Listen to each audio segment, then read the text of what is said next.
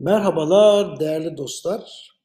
23 Ocak 2023 Pazartesi günü karşınızdayız. Valla bu memlekette hani bir şey yazmaya çalışırsanız merak etmeyin konu çok bol. Etrafımı gözlemliyorum. Diyor ki ne kadar da çok bilen insanlar var böyle. Hazarfen diyoruz. Yani her şeyi biliyor. Şimdi ben neyi öğrendim babamdan? Bir kere tam emin olmadan yazıp çizmeyiz. Gözlemleriz, test ederiz, tecrübe ederiz ve bunlar tekrarlanıyorsa kesin yargılarda bulunuruz. Yani gerçek hayatta test edilmemiş savları matematiği kullanarak mutlak gerçek olarak sunmayız. Çünkü kuşkucuyuzdur biz. Ya zaten bilim insanlığı kuşkuculuğu gerektirir. Şimdi bu işleri tabii gerçeği bulmak için yola çıkmış olanlar yapıyor.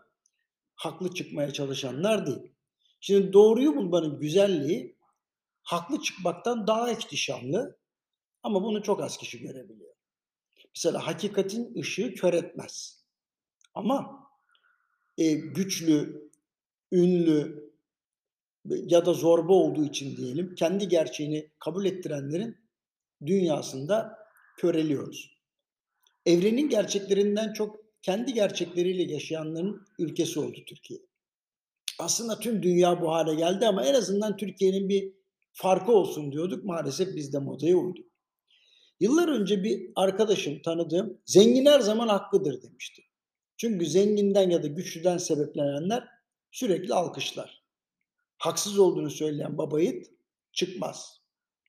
Bu arada başarısızlığı kabul etmiyor kimse.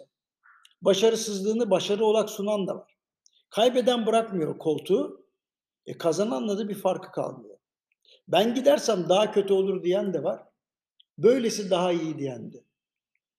Yaranma duygusuyla çalışan insan tipini sevenin de sonu hep vasatlık oluyor.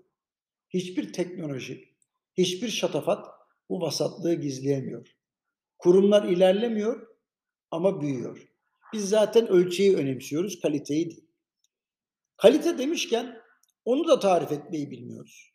Mesela dayanıklılık mı, estetik mi, tasarım mı, yani ne bileyim istikrar mı, hitap ettiği kitle mi, popülarite mi henüz karar, karar verebilmiş değiliz.